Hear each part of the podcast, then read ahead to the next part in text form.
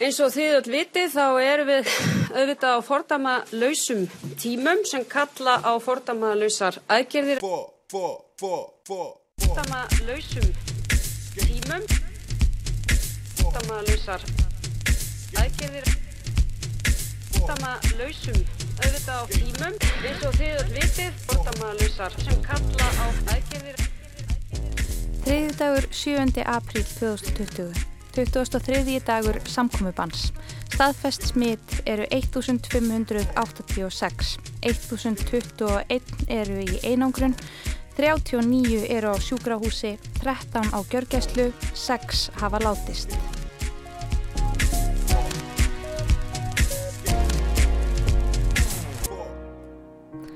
Fimm hundruð fimmtíu og níu hefur batnað. Góðan dag, kæru hlustendur þeir að hlusta á fjórða þáttinn í sér útgáðu lestarinnar Fordæma lausir tímar. Þátturinn er á dagskrá tvísvar í viku nú á meðan samkomibannið varir. Í dag ræðum við um hvernig stjórnvöld og einstaklingar hafa notað tæknina til að berjast gegn veirunni og veldum fyrir okkur hvort langvarandi samkomban muni breyta tækninótkun almennings til frambúðar.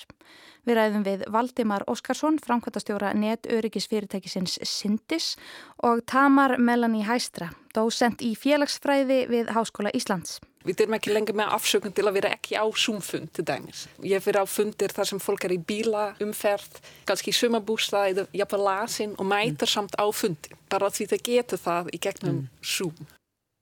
Við sláumst í för með meðlimi smiðrakningar teimis ríkislauglustjóra og fylgjumst með vinnu þess bak við tjöldin. Sæl, herri, varst þú búin að fá niðurstöðnur á síninu þínu? Nei, þú ert hérna komin að blina bort til mín sem þýðir að það hefur verið jákvægt síni sem að, að tekið og hérna, og þannig að ég vildi kanna, er, hefur verið umgangast eitthvað sem þú veist um að eitthvað sem er, er veikur, greindur. Og svo heyrum við samtal ungs pars sem hefur verið aðskilið í þrjár vikur vegna veirunar og heldur sambandinu gangandi í gegnum fjarskiptabúnað. Ótrúlega fólk sem hefur hatt samband við mann eitthvað að spörja mann út í sko enginni hvort að maður hvort það ætti að fara í próf og eitthvað, þú veist, eins og maður sé orðin einhver læknir, sko. Já. Nú maður bara, maður bara hvað, þú veist, af hverju, anskot, hvernig í anskotur má ég vita það? Nú veit ég ekki hvort ég með segja anskotin, en... Jú, jú, alveg er glætt. En við byrjum á smitrakningarteimi Almannavarnadeildar Ríkislauglustjóra. Það hafði gerst örfáum dögum áður en við tókum upp þetta einslag að starfsmæður teimisins greindist með veiruna og var helmingur smitrækningateimisins í vinnu sóttkví á hóteli en hinn helmingurinn starfaði áfram í skóarlýð. Skinjanlega var því mikill viðbúnaður teiminu skipt upp í skýrt aðgreinda hópa sem ekki máttu hittast og við dagskargerðarfólkið fengum ekki að heimsækja starfstöðina í eigin personu. En við fengum einn starfsmann Sverri Guðfinnsson laurglumann til að gefa okkur insýn í starf smittrækningar teimisins.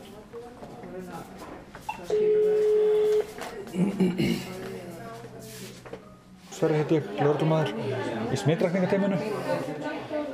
Sæl, hefur þú kannski átt vona á síndali frá mér eða ekki? Já, herði, við erum að mynda því þú varst í samniti við mannesku sem hefur einst verið smituð Þannig að það er, hérna, nú erum við með það, sko, hvort þú þurfur að fara í sótkví. Þú veist vantilega um hvað við erum að tala, hvað erum að tala, þegar.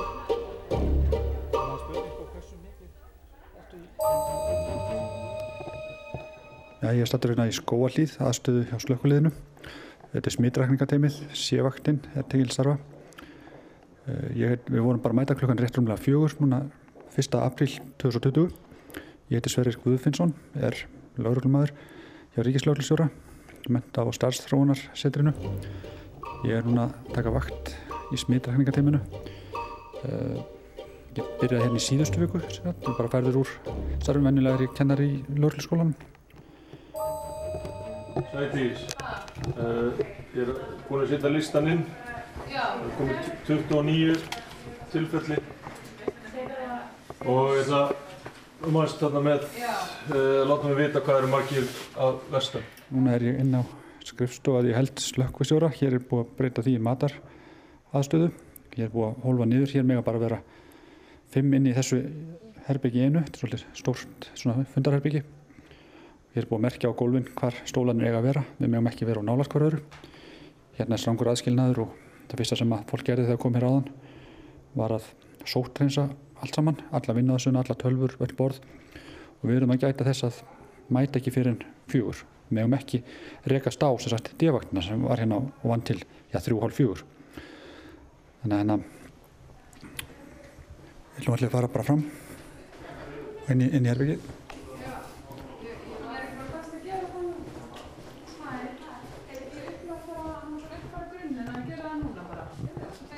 Þurfum við að loka grútið? Uh, nei, við bara ekki að vera skráneitt. Svo stöðum við um að fjóra. Maturinn það er, er einhver asísku kjúklingaréttur, uh, hérna þorskur með möndlu eitthvað og græmmetis.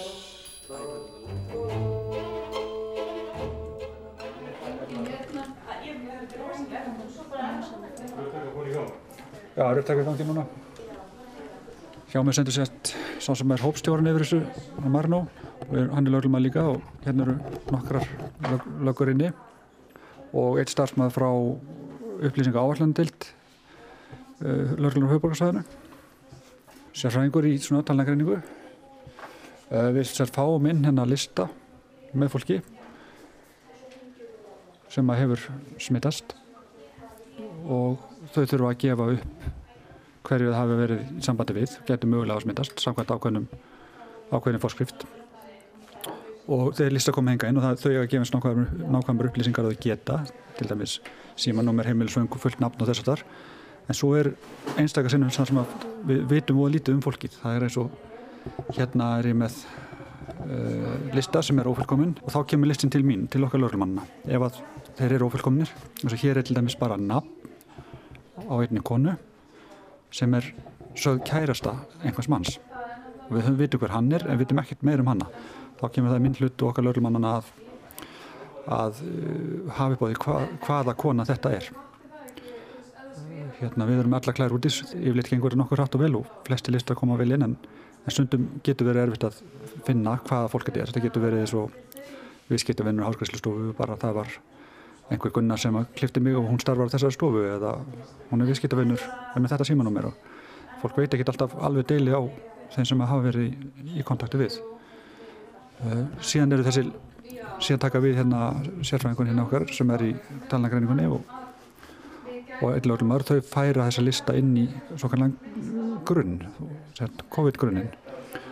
Og það er, var bara smíðaður hérna grunnur sem sagt svona gagnagrunnur, bara smíðað fyrir okkur hérna á, á örfándugum og hann er hérna, allar upplýsingar eru færðar þar inn. Óli, ert þú þá að senda út til að fá hann að kálista frá fólki? Já. Við vorum að búa til nýtt svona skráningaskjál til að senda út og við ætlaði bara að auðvitað öllum gömlu. Það eru tvö annað pólsku og hitt bara venjulegt. Og svo er eitt annað fyrir lögreglu og það er mert sérstaklega. Herru, einhver sem býr í Danmörku. Já. Erum við ekki að, erum við ekki að skrá hann samt? Hann er í sótkví. Jú. Veist, Er er, alltaf að sé það? ég veit það ekki, það er allavega skráðu lög, mér það var fyllt út eins og það sé í Danmörku, sko. Jú, vantarlega.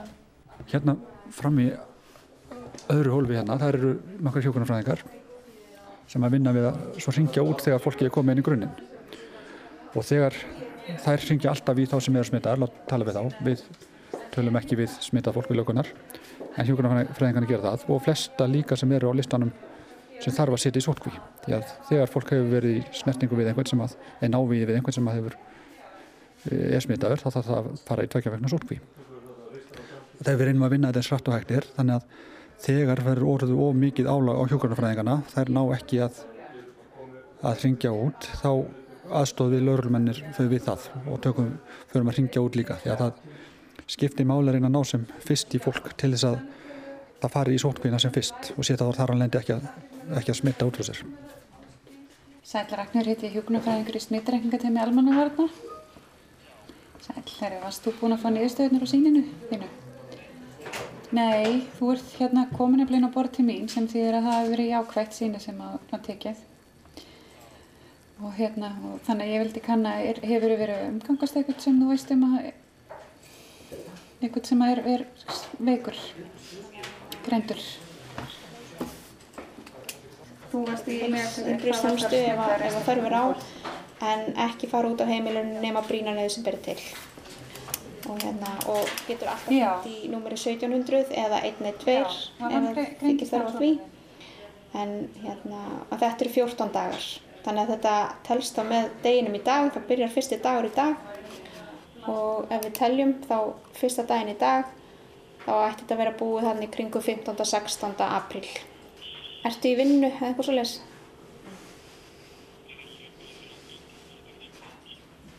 Ertu einn þar? Já. Já, ég meina ef, ef þú kemst þangað með auðveldum hætti en, en þetta er svona það sem við miðum við, ekki fara út á heimilinu nema brýna nöð sem ber til og ekki vera innan um annað fólk. Þorbjörn, ég er búinn að finna, finna mömmuna, hún á sambandi við hann á Facebook, en hún vill ekki heyri okkur ekki á samband. Nú? Afsakið vantrösti, er ekki vunna á Facebook skilabóð vegna læk, lækna. Ég sagði ok, ég skil það vel, en núna eru hlutinu víst ekki alveg eins og hefðbundu árferði. Viltu frekar að finna númer í hjókunarfræðingunum þannig að þú getur hringt? Ég get hringt í fyrramálið þá, þannig að hvernig á ég að takla þetta?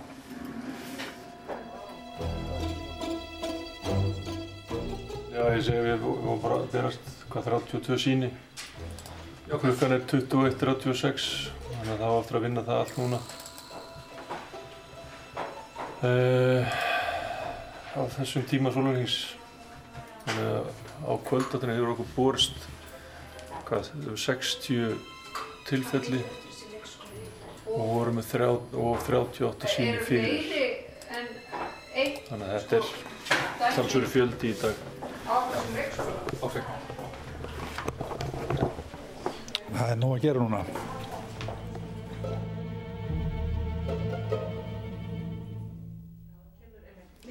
Sæl Ragnir heiti ég, er hjúknarfræðingur í smitrækningateymi almannavarna.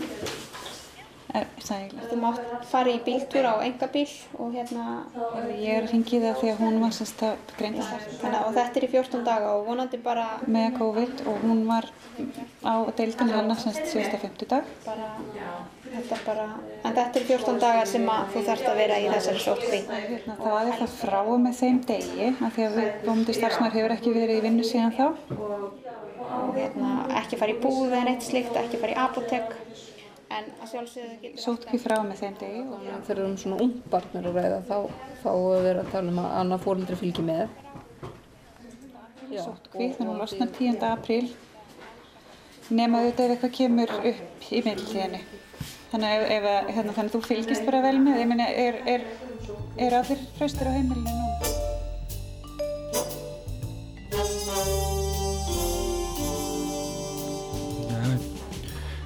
Ég og Hildur Lörlumar vorum að ringja í langan lista af kontaktum, sér að það voru margar ungar stelpur sem hafðu, eða unglingsstelpur sem hafðu verið hýst, uh, man ekki hvað þetta var langur listi, yfir 20, rúmlega 20 mann listi, um 20 mann listi sem þurfti að hafa sambandið og sitja í só, sótkví.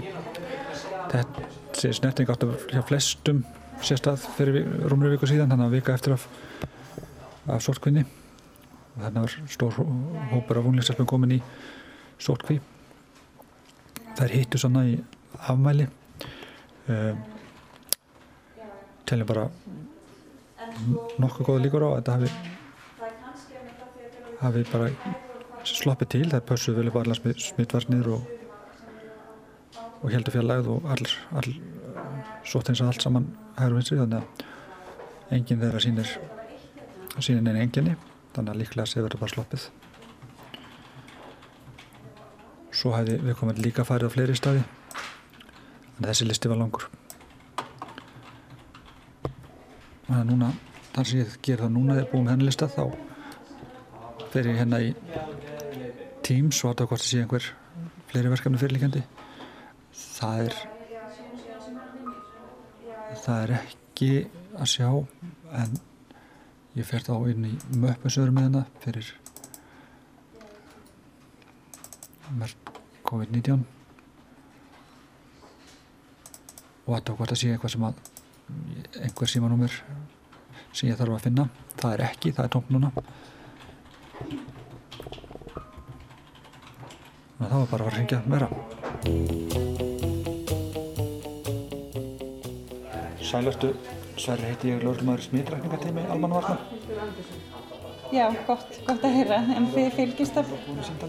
Já, sko, ég, þeir sem að, sá sem að sinni bara já, hérna er rauninni í og láta það vita jafnframt að þú sést í sótkví. Fjölskyldunni að skilni innan heimilis af því að þú reyna að forðast vera í kringum þann sem er í sótkví. Þú gætir farið að finna, það er svolítið misjant en svona þessi algengustu enginni Og maður það svolítið bara að máta sig inn í þetta, hvernig maður getur... að Er ekki bara nokkuð skýrt? Já, bara... Bara vonandi að þú verðir hraustur áfram og, hérna, og þú hafir ekki smitast.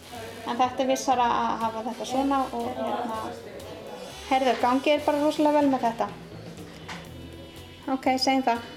Já, bless, bless.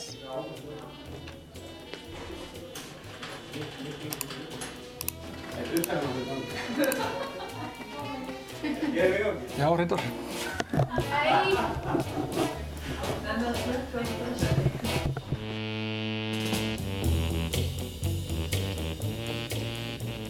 Það var Sverrir Guðfinnsson sem gaf okkur insýn í starf smitrækningateimisins við þökkum honum kærlega fyrir hjálpina. Bara nokkuð efnilegur útásmaður þarna á ferð. En frá því að þetta innslag var tekið upp þann 1. apríl hefur appið Rakning C19 verið tekið í nótkunn og gagnast þessi nýja tekni smitrækningateiminu vafalust við vinnuna. Við heyrum nú í ævari Pálma Pálmasinni, aðstóðar yfirlauglu þjóni og yfirmanni smitrækningateimisins og heyrum þá hvernig appið virkar og hvernig það er nú þegar farið að nýtast teiminu. Við notum þetta þannig að hérna, uh, segjum bara nú sem við bara setja upp dæmi að, að hérna, þú er í smittor og við vorum að tala saman. Og þá myndi ég spyrja ert þú með appið? Og, og þú játaði því og, og segði síðan hérna, ég myndi spyrja þá, ok, viltu heimil okkur að, að hérna, fá gögnin til að hérna, aðstofa okkur við rakninguna? Og þú heimilega það. Og þá þrýsti ég bara á, á napp í, í, hérna, í gagnagrunnum sem við erum með og sendi, sendi í far sem er þeim svona push notification eða þannig. Og þú hérna bara mótökur það í símanauðinum og, og, og, hérna, og svarar með því að þrýsta þarna á þessa tilkynningu. Og þá fara gögnin út úr símanauðinum og frá hérna, sem aftur hefur safnað og inn í þennan kortagrunn og þar með get ég hérna, bara út frá þínu símanúmeri og þinni kennitölu og þessum gögnum að þá bara förum við yfir ferðir þína saman meðan að aftur hefur verið í gangi. Svona, þetta var nú hvena var þetta kýrt í gagna fyrstæðin þegar ekki, eða lögadeg og hérna þannig að fyrstu tilfellin er mitt það sem að hérna, þetta fór að nýtast það er dugtinn í gæra á í dag. Ég krefti það að það er búið að nota það núna í held ég þremur tilfellum og hérna og sérstaklega í einu tilfellinu kom það að góðu gagni þar sem að hinn smitaði uh, hérna rugglaðast dagsetningum. Og hérna við komum til að koma utan að landi uh, inn til Reykjavíkur. Og hérna og það var komið á hvort það var hérna förstu degi en með hjálp appsins og, og kortlækningu á, á ferðum að þá var þetta sína hérna leiðrættan að segja og spyrja herri byrju komst ekki í bæin á lögati? Jú, alveg rétt, ég rugglaði saman dagsendingum og þetta var reynda mjög mikilvægt í hérna þessu, þessu hérna samhengi og hérna það skipti bara nokkru máli. Þetta var Ævar Pálmi Pálmason, aðstofar yfirlauglu þjótt og yfirmaður smitrakningar teimis.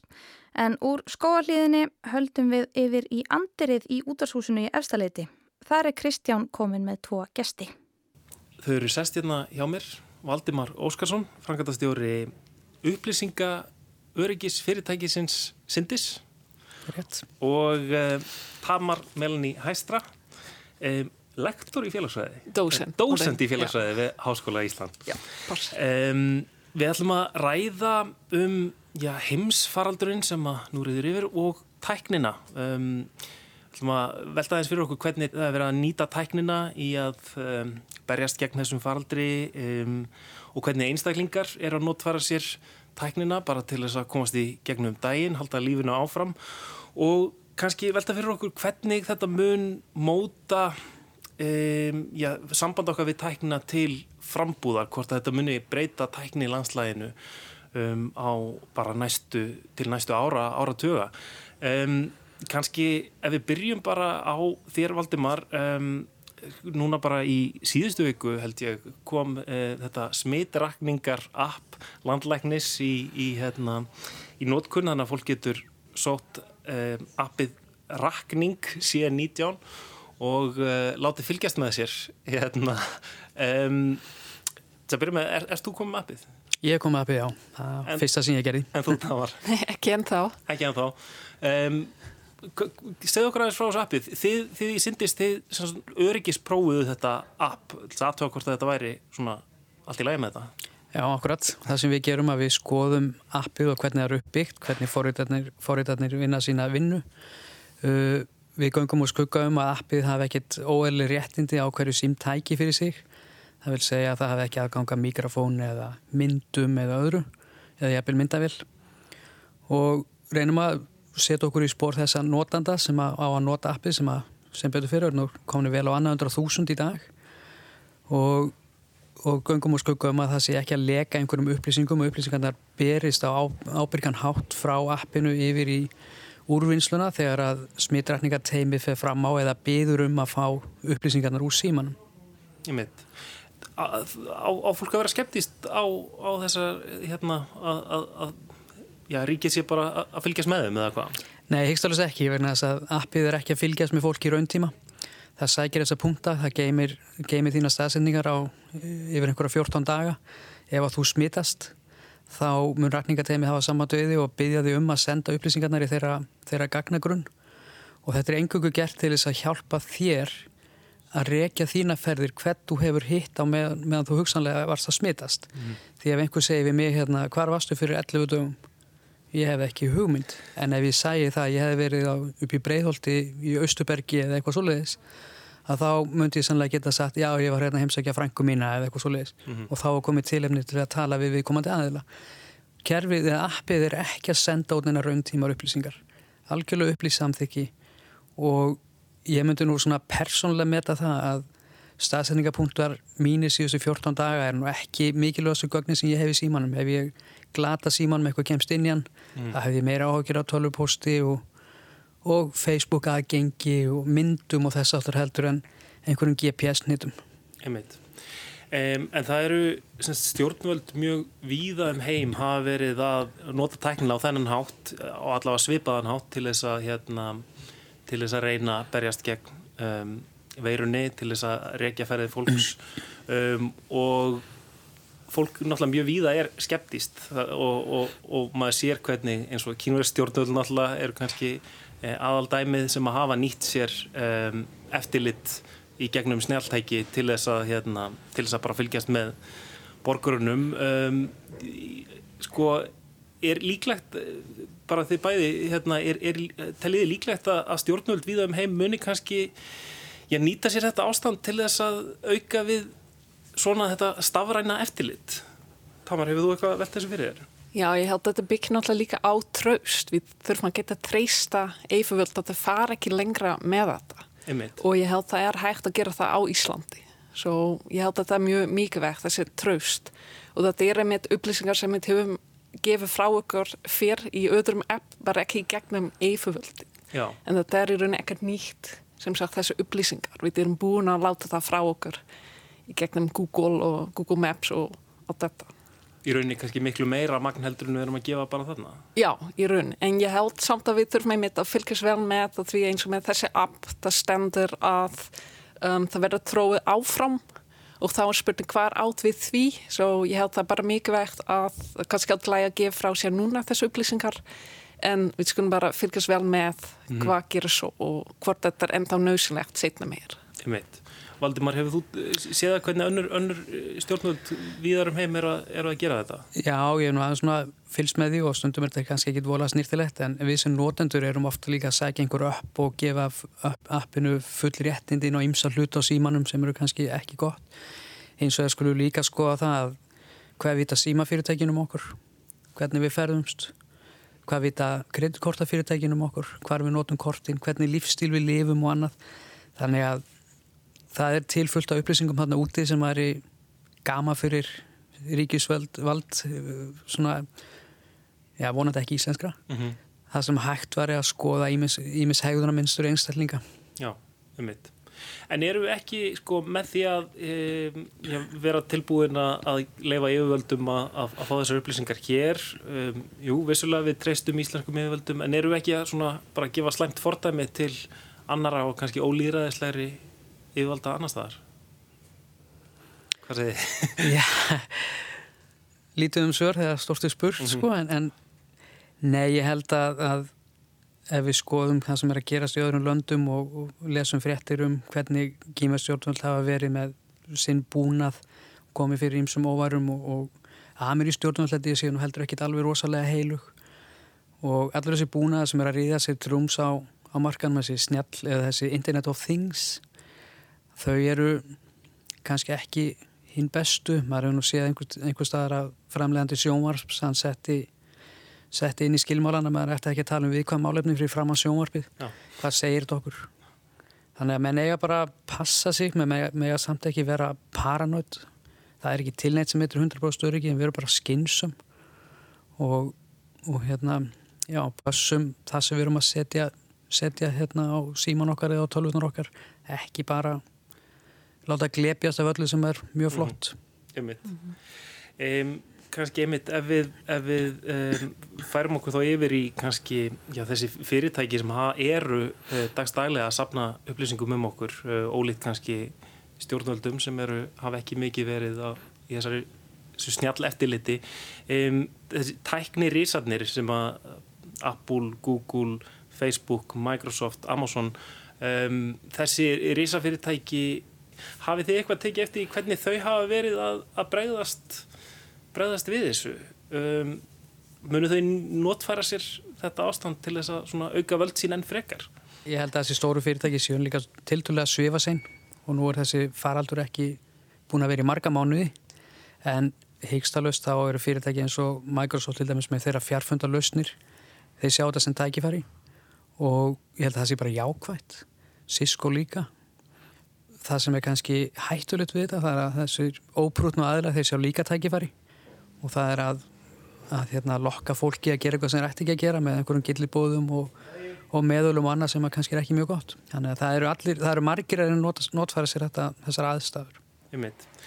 Sko, já, þetta er auðvitað, við allt í einu erum farin að lifa í ástandi sem að kannski, já, er nánast eins og hefur fullkomna ástand fyrir mörg þessara fyrirtækja. Um, við erum alltaf í tölvunni, þannig að við erum alltaf að gefa þeim upplýsingar, við erum farin að fá heimsend frá Amazon eða öðrum heimsendingarfyrirtækjum um, Tamar, hvernig svona get, getur þú séð fyrir þér að, að þetta muni um, já, breyta bara um, notkun okkar á, á tækni? Heldur þetta verði svona já, breytininn til langframa?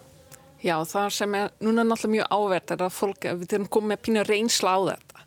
Svo fólk sem var áður fram svona heikandi við þetta uh, er kannski núna að sjá að þetta er er kannski átt í læg að nota eins og svona zoomfundir eins og í háskólan þá um, það var ekkert val. Við þurfum bara að fara í fjárkenslu uh, vendukenslu, zoomfundir á þetta um, og ég held að kemur í ljós að þetta gengur bara nokkuð vel. Mm -hmm. svo fólk er sátt við þetta en þetta er náttúrulega ekki það same eins og hitta bara fólk í einn persóna svo ég held að það mun ekki breytast en bara ég held við mun kannski fara að nota meira þessi tækni um, meira en við höfum verið að gera.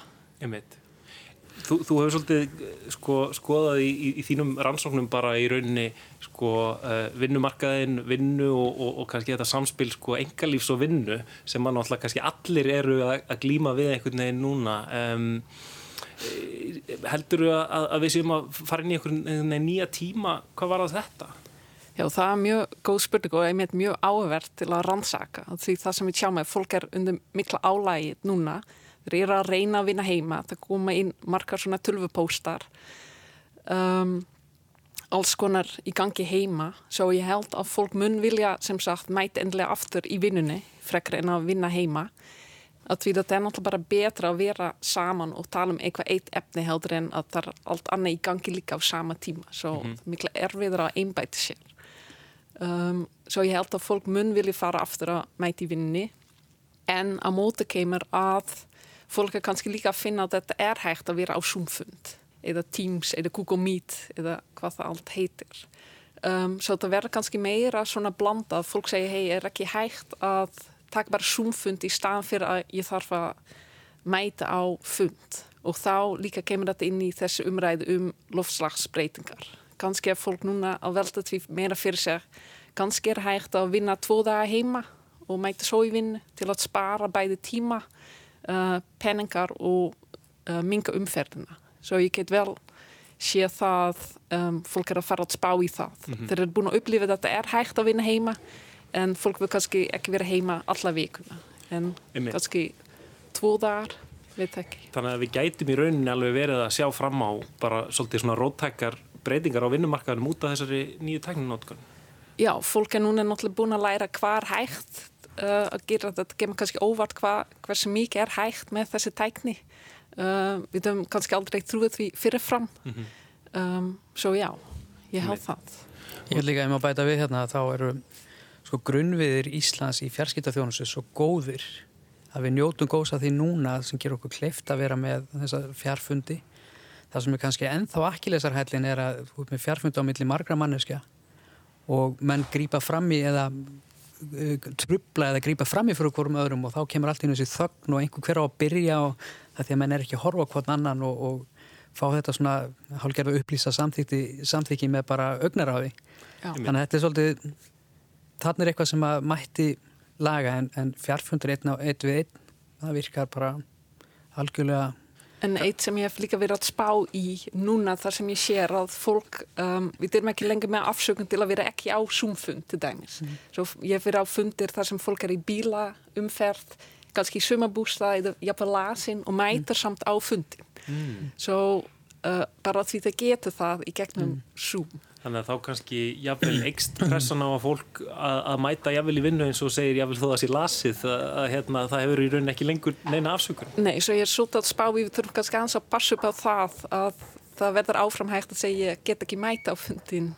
Það má líka segja að sko, fólk er heima með veikba og getur hugsanlega mæta á fundi sem annars hefði ekki geta gert sko. Þó sé ekki sjálf, sjálftveikt eða einhverja aðstæðu sem gera, gera það nöðsilegt að fólk sé heima. Eðina maður að koma eða bæta interneti hjá þér eða eitthvað. Já, þannig að sko þetta náttúrulega bæði opnar þessa möguleika á að, á að vinna þegar uh, maður er í þannig aðstæðum en, en kannski einhver líka pressuna sem, sem getur verið hættuleg uh, já, ef, ef, við, ef við leifum henni bara að uh, aukast. Það um, getur sagt kannski út í sumafrí. Já, einmitt. Það er auðvöldra ná í þig. Já. Það er erfið að segja nei. Þannig að við þurfum að virða rétt einstæðlýsins í þessu líka. Eh, en hvað með eins og í háskólanum, hvernig, hvernig hefur þetta gengið? Heldur, heldur þetta sko, muni ég vel bara halda áfram einhvers konar aukin, aukin fjarkjænsla upp í háskóla? Já, og í mentastofnunum almennt? Já, þetta er á ávert að fólk var svolítið, einmitt að ég segi, þegar fólk var svolítið híkamli við þetta sem hefur rætt við að taka svo skref en þetta kemur bara nokkuð vel út. Mm -hmm. svo bæði uh, starffólki og nefnendur eru frekar ánæg með þetta en auðvitað er það líka pína óörki með því að þurfa að prófa eitthvað nýtt uh, og við tjáum þetta líka hjá nefnendur við fáum margar tölvupóstar um hlutunar, þeir eru ekki alveg viss. Um en eins og ég segi, ég held að þetta er um, þetta er ekki alveg það saman og að hittast í einn person svo ég held það mun ekki breytast. En það er kannski þannig eins og í fjarkenslu það er gott að hittast fyrst kynna fólki og svo taka kannski svona sumfundir eifir, það mm -hmm. getur vel verið. Svo ég held við erum að fara að nota tækni meira en við höfum verið að gera. Um, En haldið þið sko þú nefnir uh, Tamar eins og að, að kannski fyrir við að vinna meira heima þó að það tækir ekki alveg við. Um, við við erum að sjá náttúrulega alls konar hluti eins og þessar aukn, uh, rosalega auknu heimsendingar og, og fólk er að spá því að það muni halda áfram uh, að fólk muni halda áfram að fá sendt heim þó að sé búið í sótkví eru við að fara að sjá uh, samfélag þar sem að við erum einangrari og einangrari bara í okkar, á okkar heimili, í okkar tölvu og, og hérna, samskipti munu kannski bara minga til fram, frambúðar svona líkamlega kjöttsamskipti Ég vona svo sannarlega ekki en, en ég held að það sem hún nefnir eins og heimsendingar og annað, það er þá eftir að aukast frá því hvað var fyrir COVID. Held að það sé engi spurning en ég held að fólk svona þurfi þennan félagslega þátt líka og ég held að þegar COVID faraldurinn gengur yfir vonandi sem fyrst að, að þá verður fólk eins og beljunar á vorin sko að það, það þarf þetta að uppfylla þessari félagslegu þörf. Það er alls engi spurning á því en það er gott að hafa hana valmöguleika og skilja og, og, og, og gera sér grein fyrir að það er alveg hægt að vinna heima ef að þörfir á en eins og Tamar segir að, að það að mæti vinnin og hitta fólk og spjalla við kaffibotla í, í personu það er, þú skiptir því ekkit út fyrir vefmyndavel og skjá mm -hmm. Nei, svo ég tek alveg undir það sem þú segir Valdmar svo heldur líka með einmitt, það er mjög gott að fá heimsending en það er líka mjög gott að fara bara annars í búðinar, fá sér kaffi, sópu og fá að versla eitthvað. Svo já, það mun ekki alveg uh, mun ekki hægt að gera það sko. En við lærum náttúrulega rosalega mikið ok, þetta er hægt að panta bara tíma í gegnum netinu eða uh, panta skór eða eitthvað svoleitis. Einmitt, einmitt.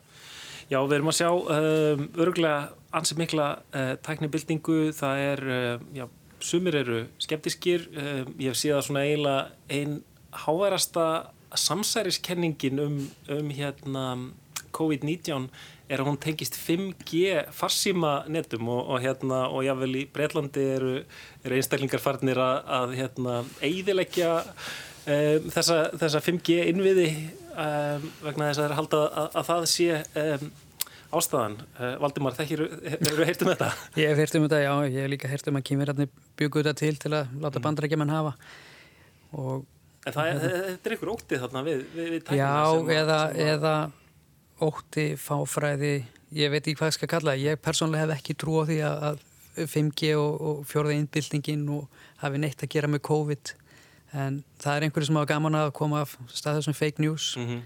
Og þetta er kannski líka svona klikkbeitið að fá einhverja aðeins að smetla á einhverja samfélagsmiðlum. Jafnvel til þess að koma inn einhverju óværi hjá, hjá þessum auðtrúa eða forvitna aðila sem að sem að vill lesa meira um þetta. En ég held að sé engin fótu fyrir þessu. Nei, ég veit, ég held að vísindamenn séu búin að afsanna það. En, en, en já. Um, Ég held að við ættum bara ljúka þessu þessum nótum. Valdimar Óskarsson og Tamar Melni Hæstra Takk hérlega fyrir komina í lestina. Takk fyrir mig. Takk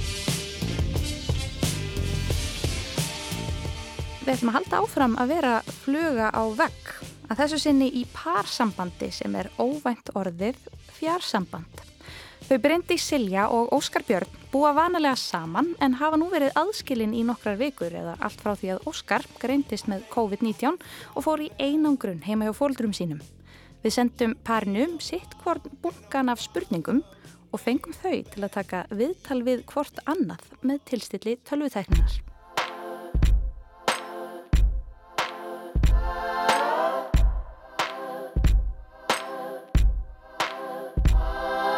Ég er byrjuð að taka upp. Já, ég líka. Tilvæg nr. 3. Mm. Óskar, má byrja þér að byrja að kynna það aðeins? Já, ætlaði þú ekki að byrja að kynna þig? Ég líka að byrja að kynna mig.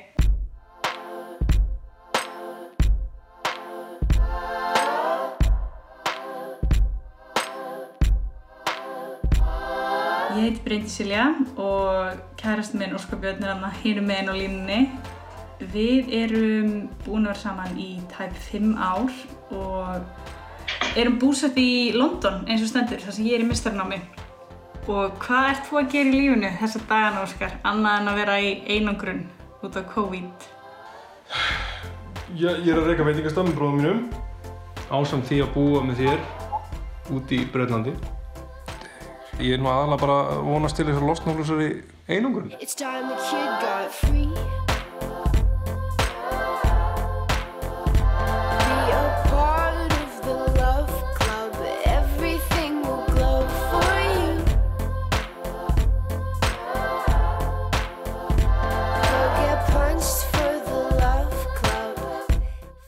Manni líður smá eins og þú sést ekki búin að vera að gera neitt annað í lífinu í marga mánuð en að vera í svona einhverjum sko. þetta eru samt búin að vera það eru tæpa þrjára vikur sem við hittumst. Það er rúmlega það. Nei, tæplega það. Þú fórst heim á förstu degi Óskar fór sem sagt heim til Íslands í skýrn og ég smitast af pappa mínu minna bara kvöldi sem ég mæti Þannig að plani var í rauninni aldrei að koma til Íslands en svo þegar ég var eftir hann einn í London og allt virtist vera að fara til fjandans þá ákvað ég að koma líka heim til Íslands. Og um, ef allt gengur eftir þá fáum við að hittast á morgun þegar Óskar losnar úr einangrun. Við erum bara búin að hittast í gegnum glögga núna í, já, þrjára vikur glugga og síma og síma og í gegnum netið sem hefur búið mjög næst. Já. Heyrðu, um, þurfum við að færa okkur í næsta spurningu? Á ég? Já, heyrðu, þú varst nú eiginlega búin að útskýra þetta en ég ætla að spurja þig, Óskar. Uh, hvernig endaði þú í einogrun og segðu okkur svona aðeins frá aðstæðanum og hvernig þetta er búið að vera þarna síðustu, síðustu tvær, þrjá vikurnar? eins og við sögðum, ég, ég kom, hana, kom til Íslands á fjörsteginu smitast greinlega af pappa hann um kvöldið svo á mánudagskvöldi er ég orðin farveikur sem ég man ekki hvað mánudag var það var fyrir tveim vikum. Svo er maður bara búinn að vera að púsla og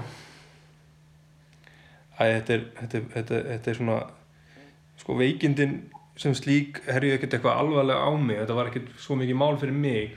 Það var bara eins og slæm, mjög slæm flensa. já, fyrir mig sko, en síðan alltaf eru margir aðri sem að lenda miklu verri í því.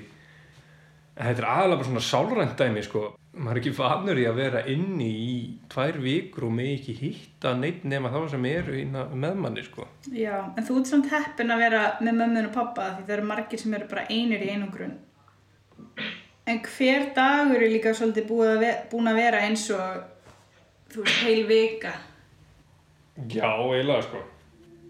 Þetta er bara, ég er bara spenntur að komast út. Bara, þú veist, guð. Aðalega spenntur að hitta þig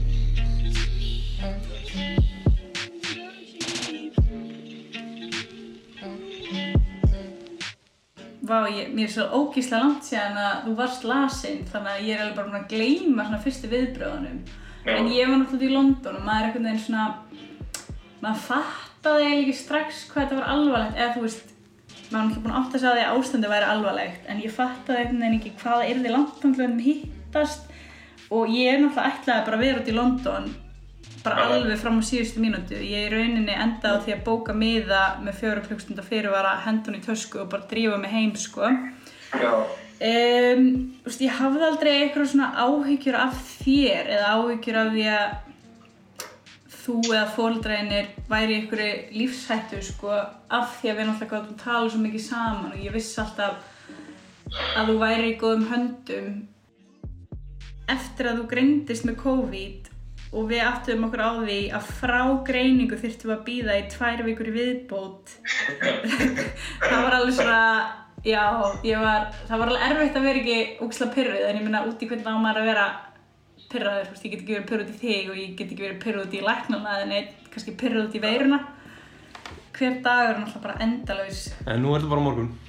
Já, vonandi hringir læknirinn og bara hei farðu út. Vá, já, það var ekki aðeins Hvernig höfum við átt í samskiptum síðustu vikur og hvernig hefur það gengið? bara í gegnum netið og síma og síðan er þetta búin að koma tvisvar að standa fyrir utan húsið hjá mér Fyrst þér þetta hafa gengið vel? Já, já þetta er þetta alveg glötu leið til þess að tala saman þegar maður, maður getur ekki eða þú veist, maður getur ekki ég get ekki einu sinni snert þig Þetta er líka, þetta er svo skrítið af því að þú veist, við höfum alveg verið í sundur í nokkra mánuði áður og bara ekki verið einhvern veginn eitt mál. Nei, þetta er allt öðru sér því við erum í sama landinu, skilur við Já, og einhvern veginn, þú veist, að fara upp í Mosó og standa fyrir utan eldúsgluggan og megi ekki einu svona koma of nálægt glugganum er eitthvað svo fáranlega skrítið líka af því maður er einhvern veginn ekki, þú veist, maður er að gera svo lítið á daginn og þá einhvern veginn líður tíminn svo hægt. Og svo er ég náttúrulega spurð svona 17 svona á dag af öllum sem að ég þekki og öllum sem þekkja þig uh, hvernig þér líður og hvernig þú losnar og hvernig einkenni þín eru og hvernig, þú veist, það leikur við að ég hafi þurft að ringja hverju mótni og skrifa niður bara líðan þinn hitasteg, hérna, hver einkennin eru og allt af því að það, það hafa allir svo miklar áhyggjur og, og allir svo mikið að einhvern veginn að pæla. Ótrúlegasta fólk sem hefur haft samband við mann eitthvað að spörja mann út í sko einkenni hvort að maður hvort það ætti að fara í próf og eitthvað, þú veist, eins og maður sé orðin einhver læknir sko Já. Nú maður bara, maður bara hvað, þú veist, af hverju, anskot, hvernig í anskotum má ég vita það? Nú veit ég ekki hvort ég megi segja anskotin, en Jú, jú, alveg öruglega. bara, þú veist, talið við lækna og hjúkrunarfræðinga og sjáu þið hvað, sjáu hvað þau segja. Bara þessi viðbrögð heilbriðiskerfisins í garð þessara veiru er búin að vera mögnuð, sko.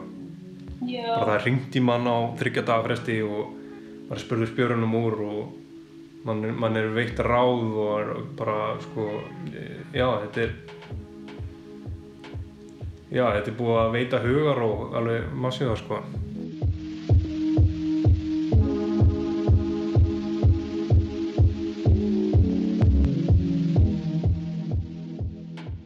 Við erum búin að horfa á tvær bíómyndir svona á sama tíma. Það var í alvörunni bara hjálpaði mjög mikið sko. Þá kveiktum við á bíómyndunum á sama tíma og vorum í rauninni bara í samskipti með einhvern veginn í gegnum netið yfir myndina og töluðum alveg mikið saman og þegar maður er að horfa á bíómynd með einhverjum. Og já, það var bara Það mjög mjög kósi. Svo hef ég verið að spila fyrir þið á píanó. Syngja söngva Ég dansaði aðeins fyrir þarna dæmastu, einangrunardansinn einangrunardansinn og þú veist, bara einhvern veginn, tækni hjálpa svo ótrúlega mikið, geta bara verið með manneskuna í mynd einhvern veginn á meðan maður er að baka eða gera eitthvað. sama tíma og finnst mér það svona uh, counterproductive einhvern veginn að því maður, maður, maður saknar bara meira sko. en á sama tíma myndi ég ekki vilja vera án þess Nei, þetta er svona smá tvíkasverð eins og þegar ég hefur að reyna að hafa þig bara þarna á meðan að ég er að læra það, það og þú náttúrulega nennir ekkert að vera þarna því ég er ekkert að tala þig en ég vil bara hafa þig þarna í símanum. Uh, þú átt að spyrja næstu spurningu. uh, uh, uh, mun þessi fjarvist eða þessi veira hafa einhver varleg áhrif á okkur? Nei? Nei, það er vegið stórlega sko, allavega ekki eitthvað þessi hérna, þessi að, aðskilnaður, ekki nema ég held að maður verður bara miklu miklu þakklátari fyrir li- litlu hlutina sko og geta bara einhvern veginn verið saman og hort saman á þátt eða verið í sama herbygginu og að knúsast, það er ekkert sjálfkefið sko á þessum tímum. Já, já, ég, þetta myndi ekki hafa, þetta hafa geta hafa neinn áhrif þannig, skilur, ég meina það er ekki eins og við kunnum ekki að meta hvort annað á dagst í dags. við værum eitt rosa gott samband ef við þyrftum eitthvað, eitthvað svona til þess að læra að meta hvort annað sko. Sér varum allavega ekki búin að vera saman í næstu fimm ár. Já, en núna erst þú að sleppa út á morgun ef allt gengur eftir. Og ég vona það svo innilega. Já, ég líka. Og við erum alltaf búin að tala svolítið um alltaf, já, ég held sé, ég held að það sé ákveðin svona grundvallar fyll hjá okkur, sko. Að vera alltaf að tala um að ég sé að losna á föstudaginn, á morgun. Ég man ekki hvar ég las þetta, var eitthvað sem var að tala um þetta, að hérna, maður ætti frekar að telja, sko, ekki telja niður dagana af endamarkinu, heldur telja dagana sem þú ert búin að vera. það hljóma bara geðveikt svartsýnt og þunglindislegt. Nei, það er miklu erfiðar að, að þú veist, tíminn er svo miklu lengur að líða ef þú ert, að, ef þú ert alltaf að, að býða eftir einhverjum ákveðnum degi. Já, það er alveg satt sko, en á sama tíma þá hefur mér þetta rosalega gott að hugsa um morgundaginn sem eitthvað svona endupunkt en á sama tíma vera meðvitið um að kannski að vera lengur. Mér fannst það ekki droslega næs á festu daginn í síðustu viku. Nei, nei, mér fannst það alveg smá erfitt líka þegar, fyrir tveim vikum þegar þú sagðist þurfa að vera í tvær vikur viðbót en á sama tíma þá fannst mér að samt alveg hjálpa og ég er alveg meðvitið um það mögulega verður ekki útskjöfur á lækni og þarf það að vera eitthvað lengur í einangrun og við lifum það alveg af þess vegna er ég að fara að baka þessa köku af því að ef ég baka köku morgun þá getum við borðað hana saman ef þú sleppur en annars fá allir köku skilur við og þá er allir glaðir Allir glæðir.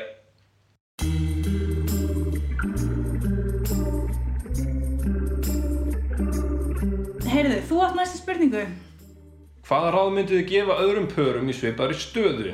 þar sem annar aðilinn er að hefja sótkví eða einangrun. Já, þetta er bara ógeðslega erfitt en þetta klárast einhvern tíman og mér fannst hjálpa mjög mikið þó það hafa saman tíma verið mjög erfitt líka að fara og, og sjá því í gegnum glugga. Já. og eins og þegar að þegar þú fórst í COVID-prófi þá kannstu kyrt hérna framhjá og bara veifa mér. Þú veist, ég mátti náttúrulega ekki eins og koma nátt bílnum en það alveg, þú veist mér fannst það bara gæðið næs að sjá að þú ert ekki bara einhver rödd í símanum þú ert ennþá til að nefnst úti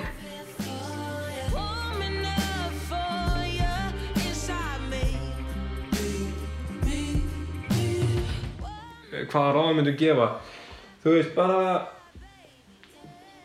ekki örvænta. Já, og kannski, þú veist, við höfum alveg stundum þegar þráðurinn er mjög stuttur í okkur báðum og eru eins og hjá öllum núna eitthvað svona verið að fara að þræta um eitthvað sem skiptir engum mála akkurat núna eins og eitthvað eitthvað út í London eða eitthvað tengt framtíðinni eða eitthvað, þú veist, bara eitthvað sem pör þræta um maður, kannski bara fínt að setja það bara á pásu á meðan að maður er í þessum, þessum aðstæðum. Ég held að það sé alveg sniðugt, sko. Sammála og því. já, bara þetta klárast og vonandi hittust við á morgun.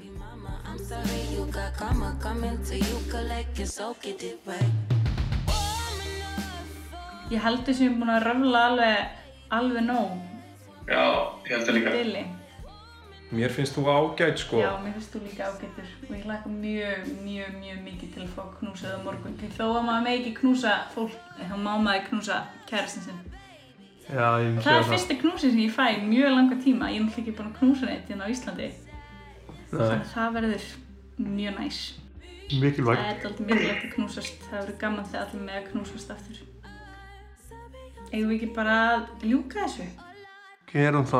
ég ætla að fara að sóttrensa að hurða hún á eitthvað Já, ég ætla að fara að baka köku fyrir þig.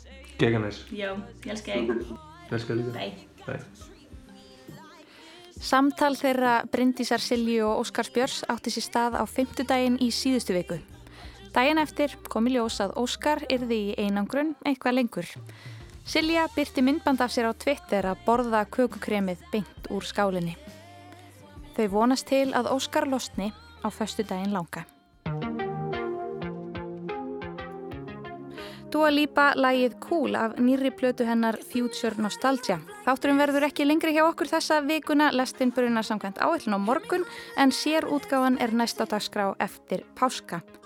Tæknumar í dag var Úlfildur Eisteinsdóttir, við þökkum fyrir samfélgina, veriði sæl.